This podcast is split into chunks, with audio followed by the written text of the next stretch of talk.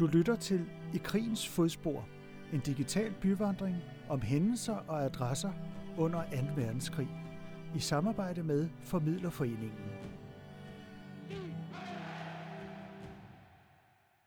Hvis du står på Trianglen på Østerbro, så over på hjørnet af Odensegade og Østerbrogade, der hvor der ligger en, en Matas butik i dag, så vil du se, at der er en øh, lille mindetavle, der er øh, lidt nede i højden. Det er en mindetavle, hvor der står, øh, at her der døde en, der hed Ejler Havbirk. Og Ejler Havbirk, han var skipper, det står der også på øh, mindepladen. Han havde et, øh, et skib, og det er på den måde, han kommer ind i modstandsarbejde, fordi i forbindelse med jødeaktionen i 43, så er han med til at sejle jøder over til, til Sverige. Og øh, han blev involveret i, i mere modstandsarbejde, og øh, ham og hans bror Ingolf, de er med i en, øh, en modstandsgruppe, som bliver kaldt for Farmandsgruppen. Og øh, der får de så en, en øh, fyr ind, der hed øh, Kai Henning. Og øh, Kai Henning viser sig ikke at være en rigtig modstandsmand. Det er en undercovermand. Han øh, arbejder faktisk for, øh, for øh, Gestapo. Så han er en, en dansker i tyskernes tjeneste, og han får stukket hele øh, gruppen, for at travle hele den her modstandsgruppe op, undtagen brødrene Havbirk, der når at slippe væk og gå under jorden. Og Ejler, han sidder herinde i bygningen. Han sidder ikke inde i Matas, øh, fordi der var ikke Matas dengang, men det var en restaurant, øh, der hed Café Odin, som skulle være en, have været en rigtig fin og dejlig restaurant. Og øh, der sidder han inde sammen med en, en ung studerende og øh, giver gode råd til, hvad man kan gøre. De sidder og snakker om nogle illegale transporter, der skal foregå nede fra, fra, øh, fra øh, Østerport station af, og det sidder han og giver nogle gode råd til, hvordan man kan øh, få minkeleret de her ting. Og ind ad døren, der kommer så Kai Henning, der havde stukket hele gruppen, og han står og skal have noget mad. Og mens han står og venter på det, kigger han ud over restauranten og ser altså, at Ejler han sidder herinde. Og øh, så forsvinder han ud af døren, og kort tid efter, så vender han tilbage med en øh, flok af de værste inden fra øh, Gestapo A. Det er øh, den gruppe, som, øh,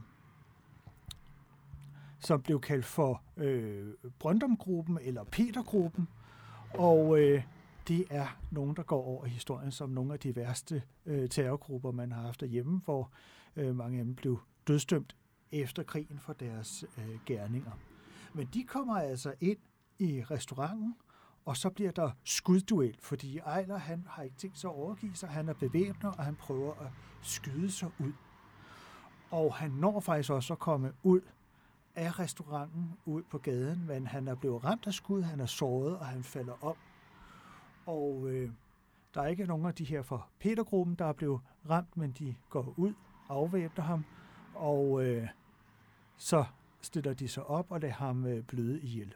Så Ejler han ligger og bløder ihjel ude på gaden, lige foran hvor mindepladen er i dag.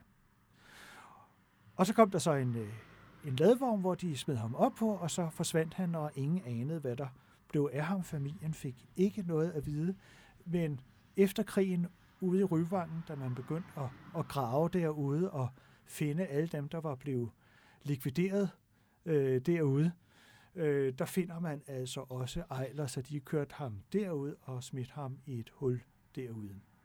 Og der er han ført også blevet genbegravet ude i, i Minelunden.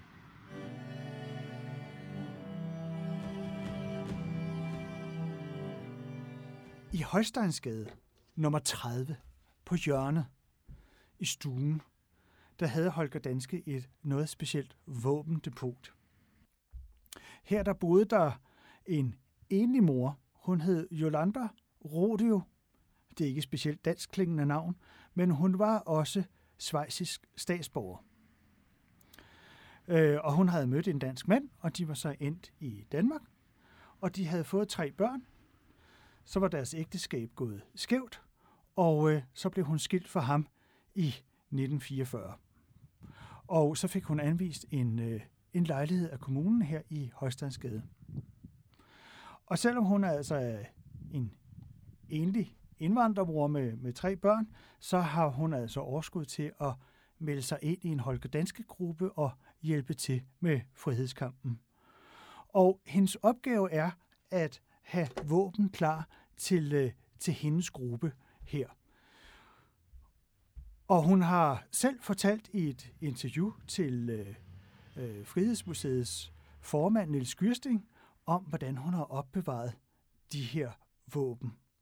Hun har haft dem inde i øh, inde i, i opgangen, når man kom ind der, så kunne hun have øh, rifler klar til hurtigt at komme ud af døren med. Så hang de bag ved jakkerne inde i garderoben der, og inde i hendes soveværelse, der sov hun oven på kasser med, med håndvåben og øh, også håndgranater. Nede i kælderen, fordi der hører en kælder til øh, lejligheden, det er oprindeligt, alle hjørnelejlighederne her har oprindeligt været butikker, så der hører kælder til de her stuelejligheder på hjørnerne. Og ned i kælderen, der havde hun også våben liggende og plastiksprængstof. Men hun sov altså ovenpå en kasse med håndgranater. Og måden hun fik håndgranaterne på, er også en lidt spøjs historie, som hun selv har fortalt, øh, fordi de blev leveret i en kuffert inde ved hovedbanegården.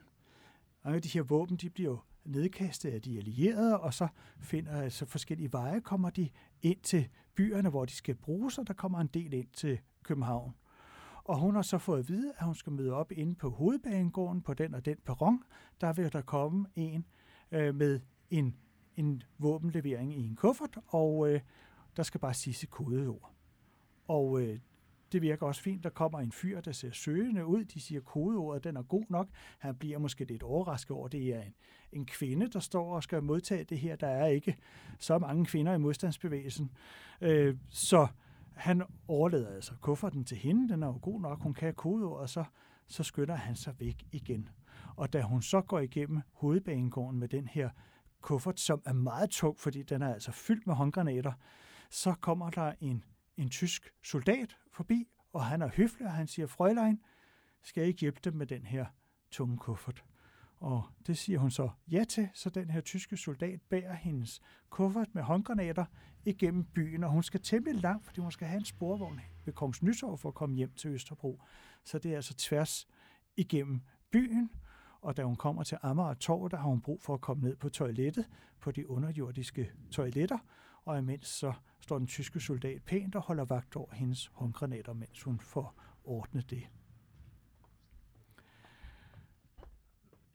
Det er altså usædvanligt for Holger Danske at have et våbendepot hos en, en enlig mor. Normalt har man dem altså neutrale steder, som gravet ned op ved søerne, eller på loftet af en skole, eller et eller andet. Men sådan i privat hjem, det er altså lidt usædvanligt. Og det er også et lidt halvfartigt sted, kan man tænke sig, fordi det er ikke så langt til den øh, tyske ambassade, og øh, der ligger altså SS-kontorer og så videre lige om på den anden side i Rosenvænget. Så det er altså et, et, et område, der er fyldt med tyske soldater og med danskere, der sympatiserer med, med, med, med tyskerne og sådan noget. Så det, det er noget af et interessant smørhul, hun ligger i. Sjovt nok så har hun så fortalt, at det, at hun var øh, oprindelig Schweiz, Schweizisk statsborger, det kunne faktisk betyde noget, når hun blev stoppet af, af tyskere og skulle legitimere sig. Så, så, så var der jo så, så kunne det jo være en god ting, at hun var svejsisk, fordi at Schweiz var jo neutral under krigen, og derfor kunne man ikke forestille sig, at, at hun altså var, var indblandet i noget. Og så var hun jo også kvinde, og det havde tyskerne også svært ved at se, at, at kvinder skulle have noget at, at gøre i, i sådan noget som modstandsbevægelsen. Det synes de var sådan lidt småbarbarisk faktisk. Så hun går faktisk fri af mange ting, så måske er det i virkeligheden et meget godt sted at have de her øh, våben liggende. Og gruppen, hun er med i, det er også sådan en lidt, øh, lidt hård gruppe. De tager sig også af nogle likvideringer, og hun kender ikke navnene på de her mennesker. Det er altså som unge mænd, øh, øh, der kommer ind og nogle gange skal have nogle våben udleveret, som hun holder fuldstændig styr på, hvor meget der bliver brugt af kugler og håndgranater osv., så, så hun kan få friske forsyninger øh, ind på lageret. Øh, de kommer så ind en af gangen her i Højstandsgade for ikke at vække opsigt. Spørgsmålet er, om der er nogen, der har synes, det var underligt, at en enig mor fik besøg af, af så mange unge mænd. Øh, der er i hvert fald ikke nogen, der gætter, at hun er med i en modstandsgruppe. Men øh, de kommer ind en af gangen og får udleveret osv. Og hun kender ikke noget til dem, nogen af deres navne og sådan noget. De kører på, på kodenavne. Men der er en, som hun bliver fortrolig med, og de bliver kærester, og øh, de bliver forlovet, og de skal giftes, når krigen er slut. Og på en af de sidste aktioner, gruppen laver, er det en likvideringsaktion mod en nazist på Nørrebro, som øh, skal likvideres. Det er også en, som er en hård nej, som har været indrulleret i SS. Og øh, det er en svær opgave, og det er altså hendes kæreste, der er ude at lave den her, og han taber skudduellen, der opstår ude i Griffenfeldsgade, og bliver ramt og dør ude på gaden. Så da resten af gruppen kommer tilbage til Jolanda, så, øh, så må man jo bare fortælle hende, at, at hendes forlovede kommer altså ikke tilbage. Han er død. Og så får hun faktisk kontakt med en læge, der har fået, fået det her lige ind på, på sygehuset, og hun får lov til at komme ned i kælderen til ham, og hun kan fjerne alle papirer, alt hvad der kan være af belastende materiale øh, på ham, og tage afsked med ham. Og så kommer hun ført i tanke om, Gud, hans mor, når de finder ud af, hvem hans er, hvad hans identitet er, så er det jo helt klart, at de vil tage ud og snakke med hans mor og forhøre hende. Og hun kender faktisk navnene på flere i gruppen, fordi hende har de været uforsigtige overfor. Så hun skynder sig at tage ud til svigermor her og fortælle hende, din søn er død, pak en kuffert, for du skal til Sverige nu. Et kæmpestort tab for moren, som oven købe også havde mistet sin mand i, i modstandskampen. Så det var en meget, meget trist dag. Og den 5. maj 45, ja, mens folk de jubler, at nu er krigen slut, der står hun og begraver sin forlovede.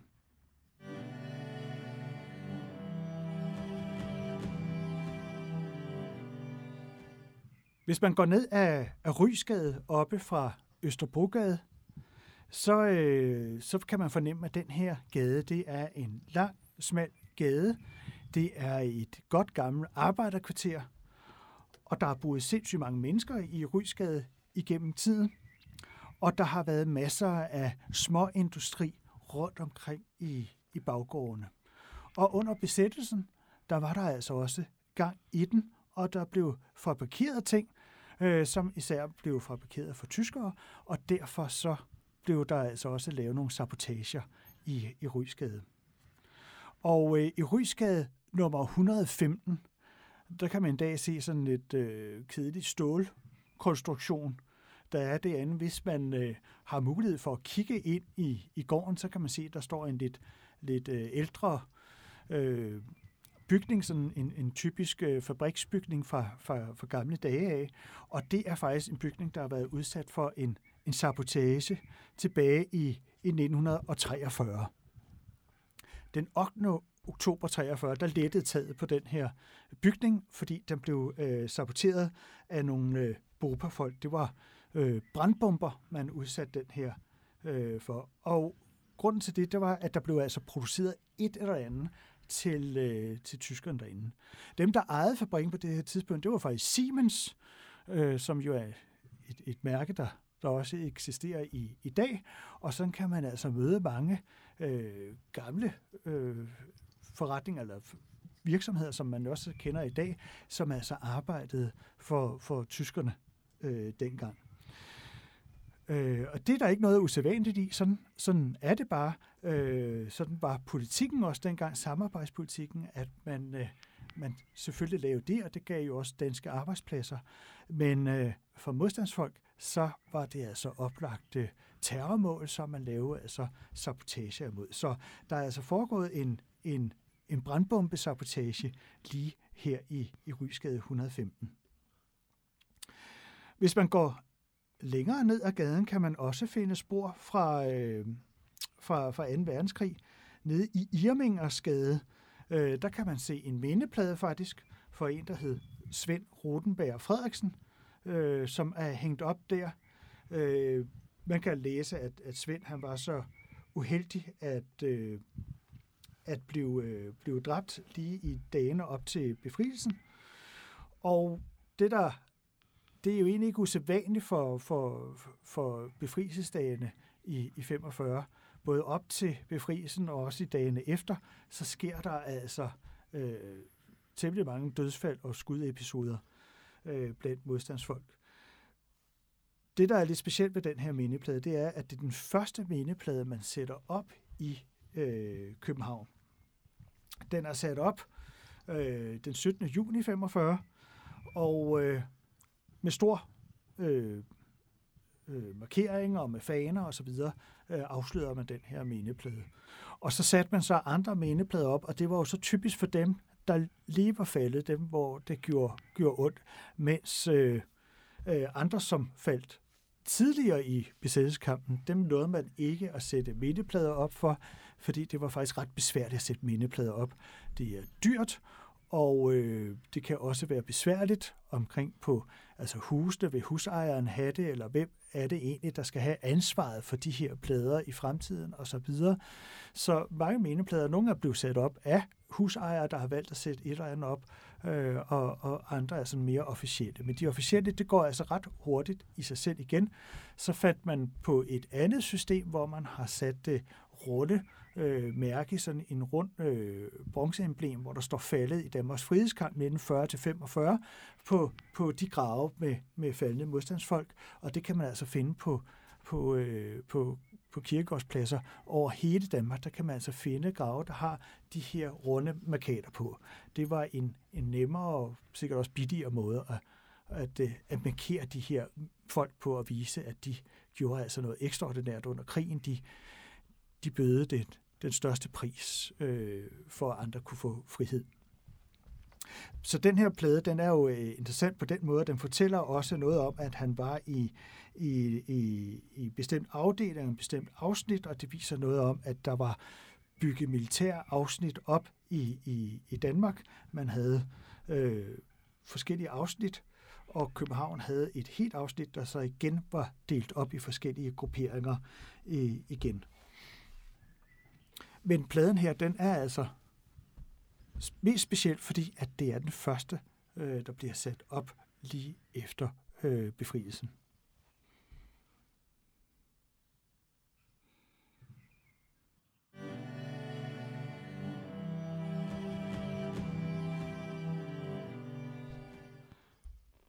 Lidt længere øh, nede af, af Rysgade, der lå der en, øh, en lidt større fabrik, der hed Ambi, og den lå i Rysgade nummer 23.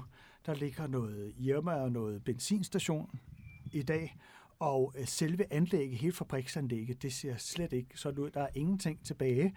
Der er sket noget øh, sidenhen. Der har blevet lavet dejlig gårdhave inde bagved, så der er ikke noget at se for fabrikken. Men den blev øh, angrebet og saboteret i, øh, i 1944 i en øh, dristig aktion, fordi man også tog et, et andet fabrik, der lå i Rysgade nummer 58, som ligger over på den anden side af Rysgade, over på den del af gaden, der hører til Nørrebro. Der er en grænse her ved Rysgade mellem Østerbro og Nørrebro. Øh, fabrikken, der lå i, i nummer 23, den hed Ambi, og fabrikken, der lå nede i Rysgade nummer 58 på Nørrebro-siden, den hed Nordværk. Øh, og begge fabrikker, de laver altså noget til, til tyskerne, og det er faktisk til den tyske øh, militærindustri. Inde i øh, Rysgade 23 inde hos Ambi, der laver man tændsatser, som øh, blev sat i de tyske håndgranater. Nede i Nordværk, der laver man øh, mange forskellige ting, fordi Nordværk var et, øh, et selskab, der var stiftet af af, af to danske fabrikanter, der havde stiftet det her Nordværk for at opkøbe øh, forskellige bestillinger fra BMW nede i Tyskland. BMW, endnu et, et hedderkronet øh, navn, som vi jo kender så godt i dag. Men BMW, de, øh, de stod faktisk for at, at, at lave øh, maskiner og så videre til det tyske luftwaffe. Så øh, der var en masse forskellige ting, der skulle laves der, repareres og udvikles og sådan noget. Og der stod Nordværk faktisk og bød ind på de her kontrakter og fik hævet mange af de her kontrakter til Danmark, så danske arbejdere ligesom kunne få arbejde, og hvor man altså stod øh, forskellige steder i København på forskellige fabriksanlæg og lavede ting og sager til, øh, til det tyske luftwaffe. Øh, nogle af delene, det var faktisk raketdele til øh, de nye V2-bomber, som man øh, kunne sende over mod London og sådan noget der. Det blev faktisk fabrikeret her. Så derfor er det jo øh, nogle farlige fabrikker, man gerne vil angribe. Fabrikkerne, de var også godt bevogtet, fordi man havde jo selvfølgelig sabotagevagter på.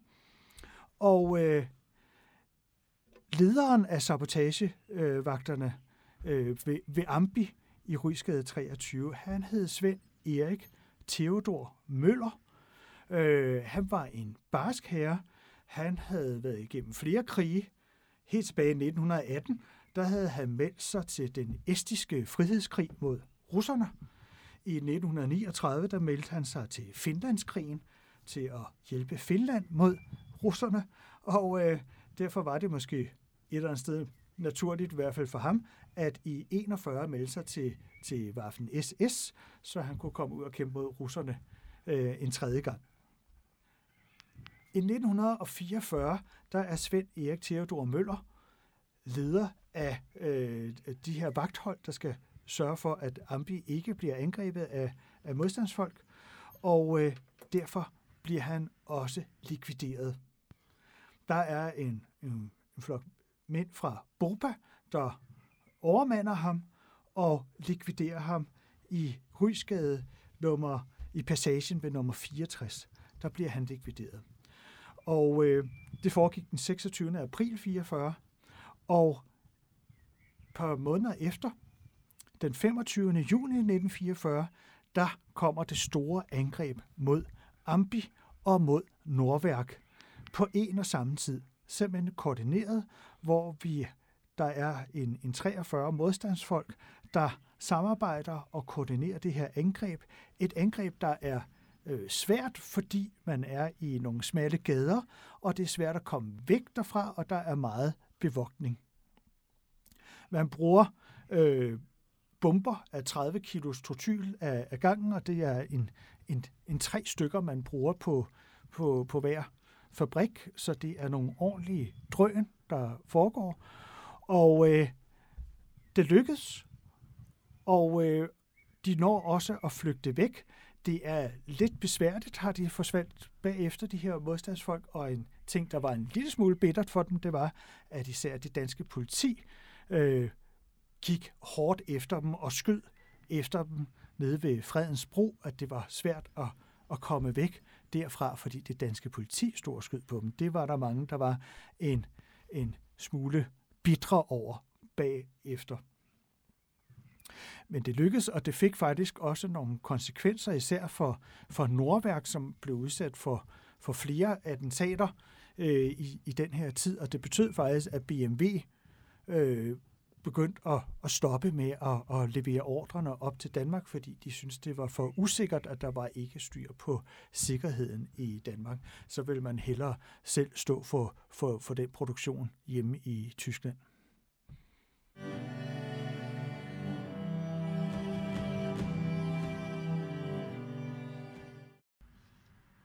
På Blejdomsvej, ikke så langt fra Trianglen, der ligger der et, et kæmpestort hus øh, kæmpestort firkantet hus, det er frimurernes stamhus. Her der holder den danske frimurorden til med flere forskellige loger, der, der, øh, der bruger det her hus. Det er et øh, hus, der er bygget i, i 1920'erne, og det er bygget med det formål at, øh, at huse frimurerne.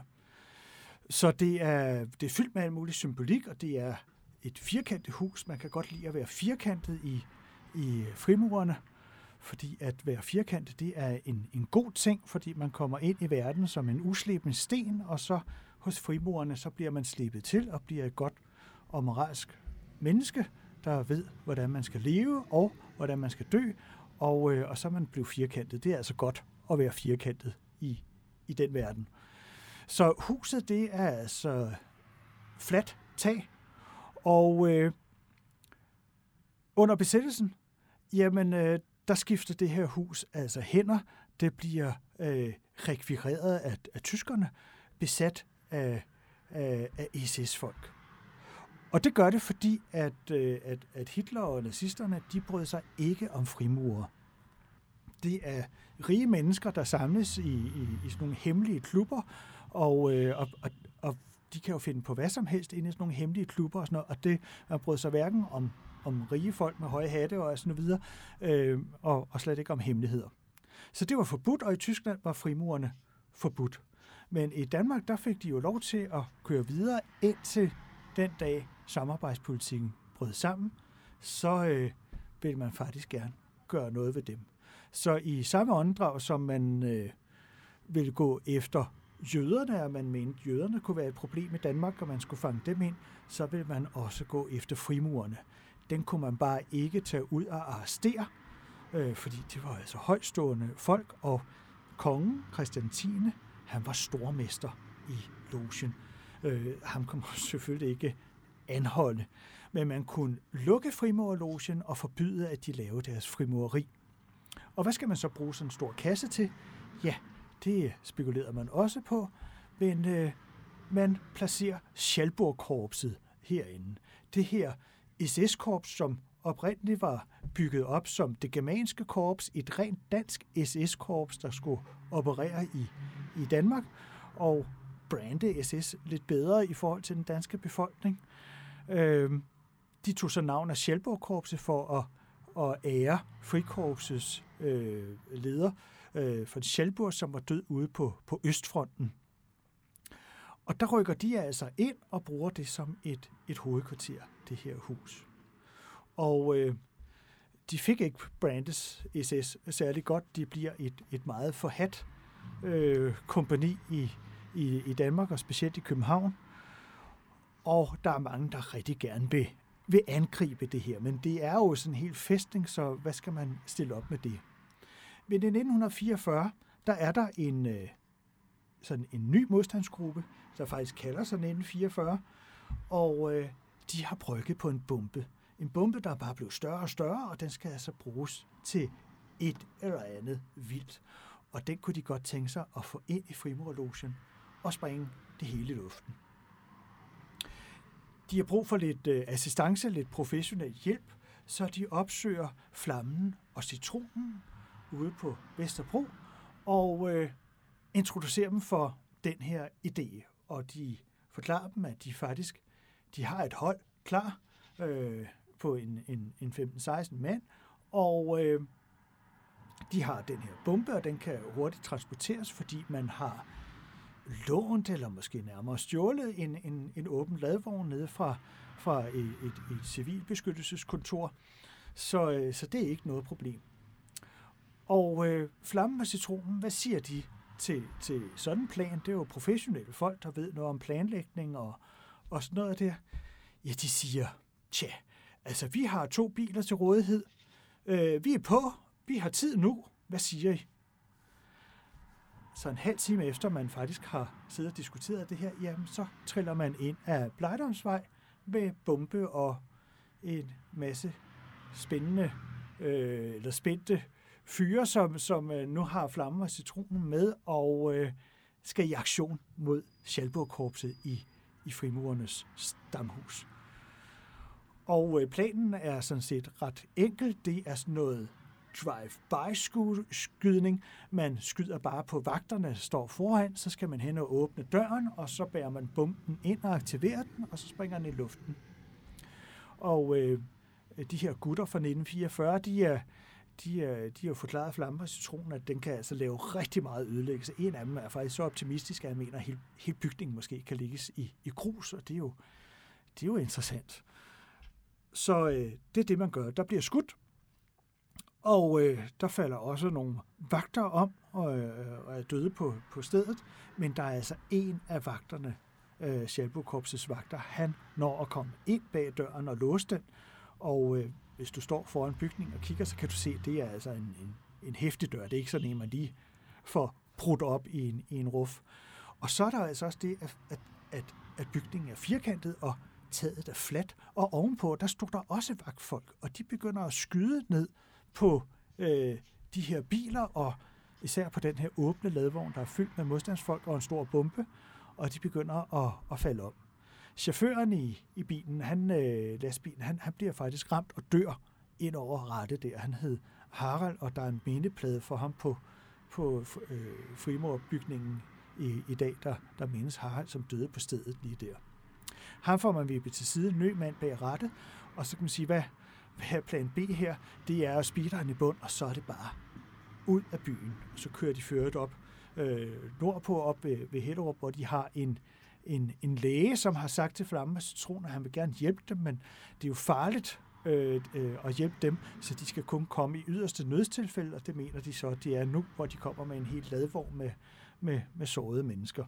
Så øh, der er en læge og hans kone, de får, de får travlt øh, op nordpå med at, at lappe de her mennesker sammen og få dem ud på hospitaler under dække af arbejdsskader eller andet, fordi Gestapo skal jo ikke kunne finde dem i, igen. Tilbage i, i gaden her ved, ved, ved Bladdomsvej, der kom folk så ud og, og jublede og klappede af, af dem her, der havde prøvet at angribe Sjælbo-korpset. Og, og Sjælbo-korpset, ja, de reagerer prompte.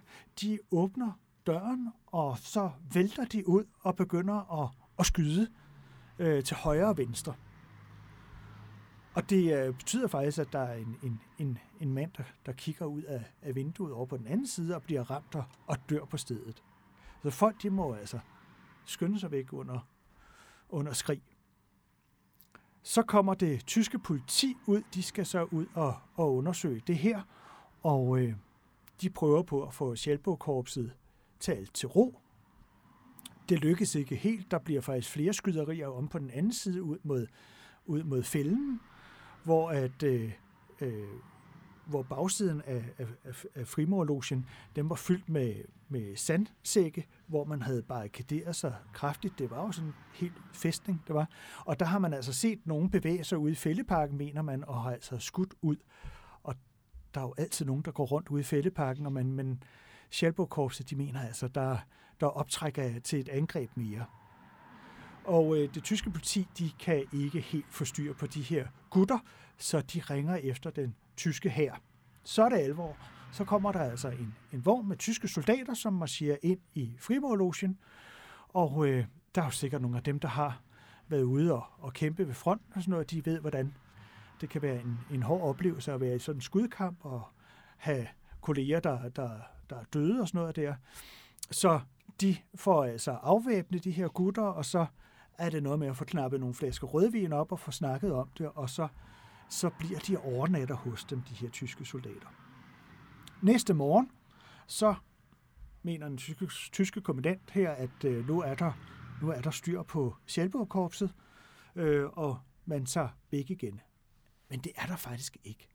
Fordi samme dag, ikke så mange timer efter, at de tyske soldater har forladt bygningen, jamen så kører der en cyklist forbi, der punkterer ude på Bladnersvej og det siger bang.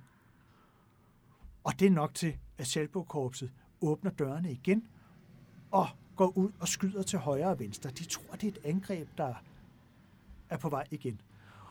Og dengang, der går det også ud over uskyldige. Der er en sporvogn, der kører forbi i samme øjeblik, og der er en sporvognskonduktør, der bliver ramt og dør på stedet. Folk de må lægge sig ned i sporvognen og kravle ud på gaden, og så ellers ned i kælder og så videre, så, og så blev guidet ud øh, bag ved Rysgade og, og flygte den der vej der. Så det er altså, de er ret ustabile, de her øh, Schalburg-folk. Og derfor så kommer det tyske soldater igen ud, man afspærer Blejdomsvej, og så henter man altså nogle af de, dem, der er, er mest op at køre, de her sjælburfolk. dem afvæbner man, og øh, sætter på en, en særtransport ned til Ringsted Kaserne, hvor de kan komme ud og få lidt frisk landluft og øh, øh, komme lidt til, til, til ro dernede. Og det her angreb, som øh, Flammen og Citronen og gruppen 1944 de lavede, det var den 19. juni øh, 44. Og kort tid efter, den 30. juni, der udbrød folkestrækken i København, hvor øh, man gik i en, i en strække og lukkede hele København ned. Arbejderne ville ikke øh, gå på arbejde, og øh, det blev en kaotisk tid, hvor tyskerne så svarede igen med at lukke for, for vand og gas. Man måtte gå ned i, i søerne og hente vand, øh, og, og øh, man måtte lave mad på bål og så videre. Det var heldigvis en dejlig sommer, så mange fik faktisk noget, noget ganske hyggeligt ud af det i, i, i gårdene, men, men øh, det blev også dramatisk mange steder, hvor der faktisk blev skudt, både med kanoner og alt muligt fra Tysklands side ind i, i folkemængder, og der var mange mennesker, der blev dræbt i det her. Øh, nogle af de mest ustabile blandt tyskerne, det var jo så faktisk danskere i tysk tjeneste, og der Schalburg-korpset, de altså stod for en, en, en, en del meget brutale optrædende, hvor de altså skød efter folk og slog folk og, og dræbte folk. Folkestrækken, den ender faktisk med, at, den, at tyskerne de simpelthen bliver nødt til at tale med københavnerne. Hvad, hvad, er det, hvad er det, man vil opnå ved, ved det her? Det begynder også at røre på sig andre steder i, i landet, og man kan måske være bange for, at man når i en, en situation ligesom folkestrækken i, i 43, hvor hele Danmark gik, gik, øh, gik i, i, i strække. Og, øh, og der må man forhandle med øh, det selvbestaltede Frihedsråd, som var en blanding af forskellige øh, modstandsgrupper, som, øh, som ligesom talte som på politikernes vegne, som jo var gået af. De var sådan en ny slags selvbestaltet regering. Og der forhandler man altså og, øh, og når til enighed om øh, øh, nogle, nogle sanktioner. Øh, og en af de krav, de har, det er, at de vil have Sjælbo-korpset ud af byen. Man bryder sig ikke om at have de her Sjælburg-folk herinde. Og det sjove er, at det kan tyskerne sådan set godt forstå. Så øh, Sjælburg-korpset bliver faktisk øh, mere eller mindre nedlagt. Der bliver ved med at være Sjælburg-folk inde i Frimurlogen frem til den 5. maj 45, men øh, slet ikke i, i samme stil og, og med så stor bevæbning, øh, som, som de havde der i, i 44. Mange af dem bliver kørt ned til, til Ringsted Kaserne, til, til de andre, der kom derned, og øh, det er lidt sjovt at se, at det er der, de samles alle Selvburg-folkene, også i befrielsesdagene, så er det nede på Ringsted Kaserne, de bliver ved med at være. Det er først den 7. maj 45, at der kommer modstandsfolk ud til Ringsted Kaserne og, og afvæbner øh, Sjælborg-korpset, som ført havde skiftet navn på det tidspunkt og kaldte sig Sjællands Bataljon i, i et eller andet forsøg på at, øh, at ligesom komme over på, på en anden side, eller øh, få det der dårlige ry, man havde omkring at være, være Sjælburg-folk øh, af sig.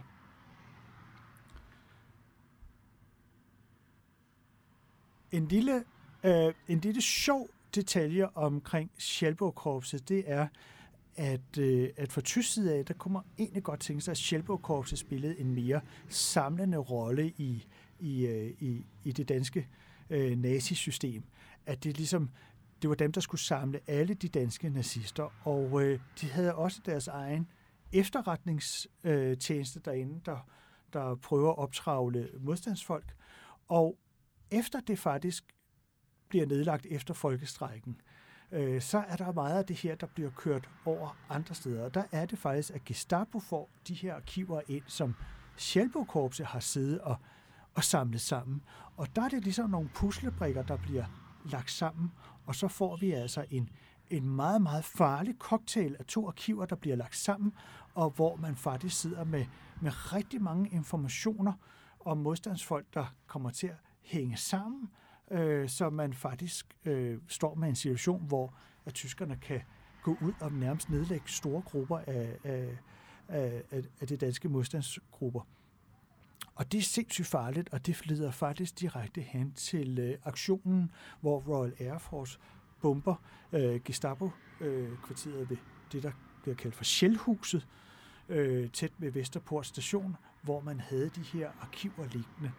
En aktion, der er vellykket, dog med den lille bagside, at man altså kom til at, at fejlbombe den øh, franske skole, øh, Jeanne d'Arc-skolen på Frederiksberg, øh, ved et uheld, og det betød, at der var adskillige børn, der døde derude i det her øh, forfærdelige bombeangreb.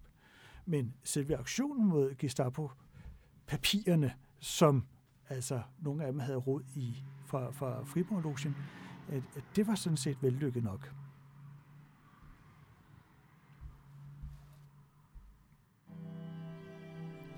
Din guide har været Morten Land Andersen, og programmet er produceret af Lars Falk fra Media Tower. Hey!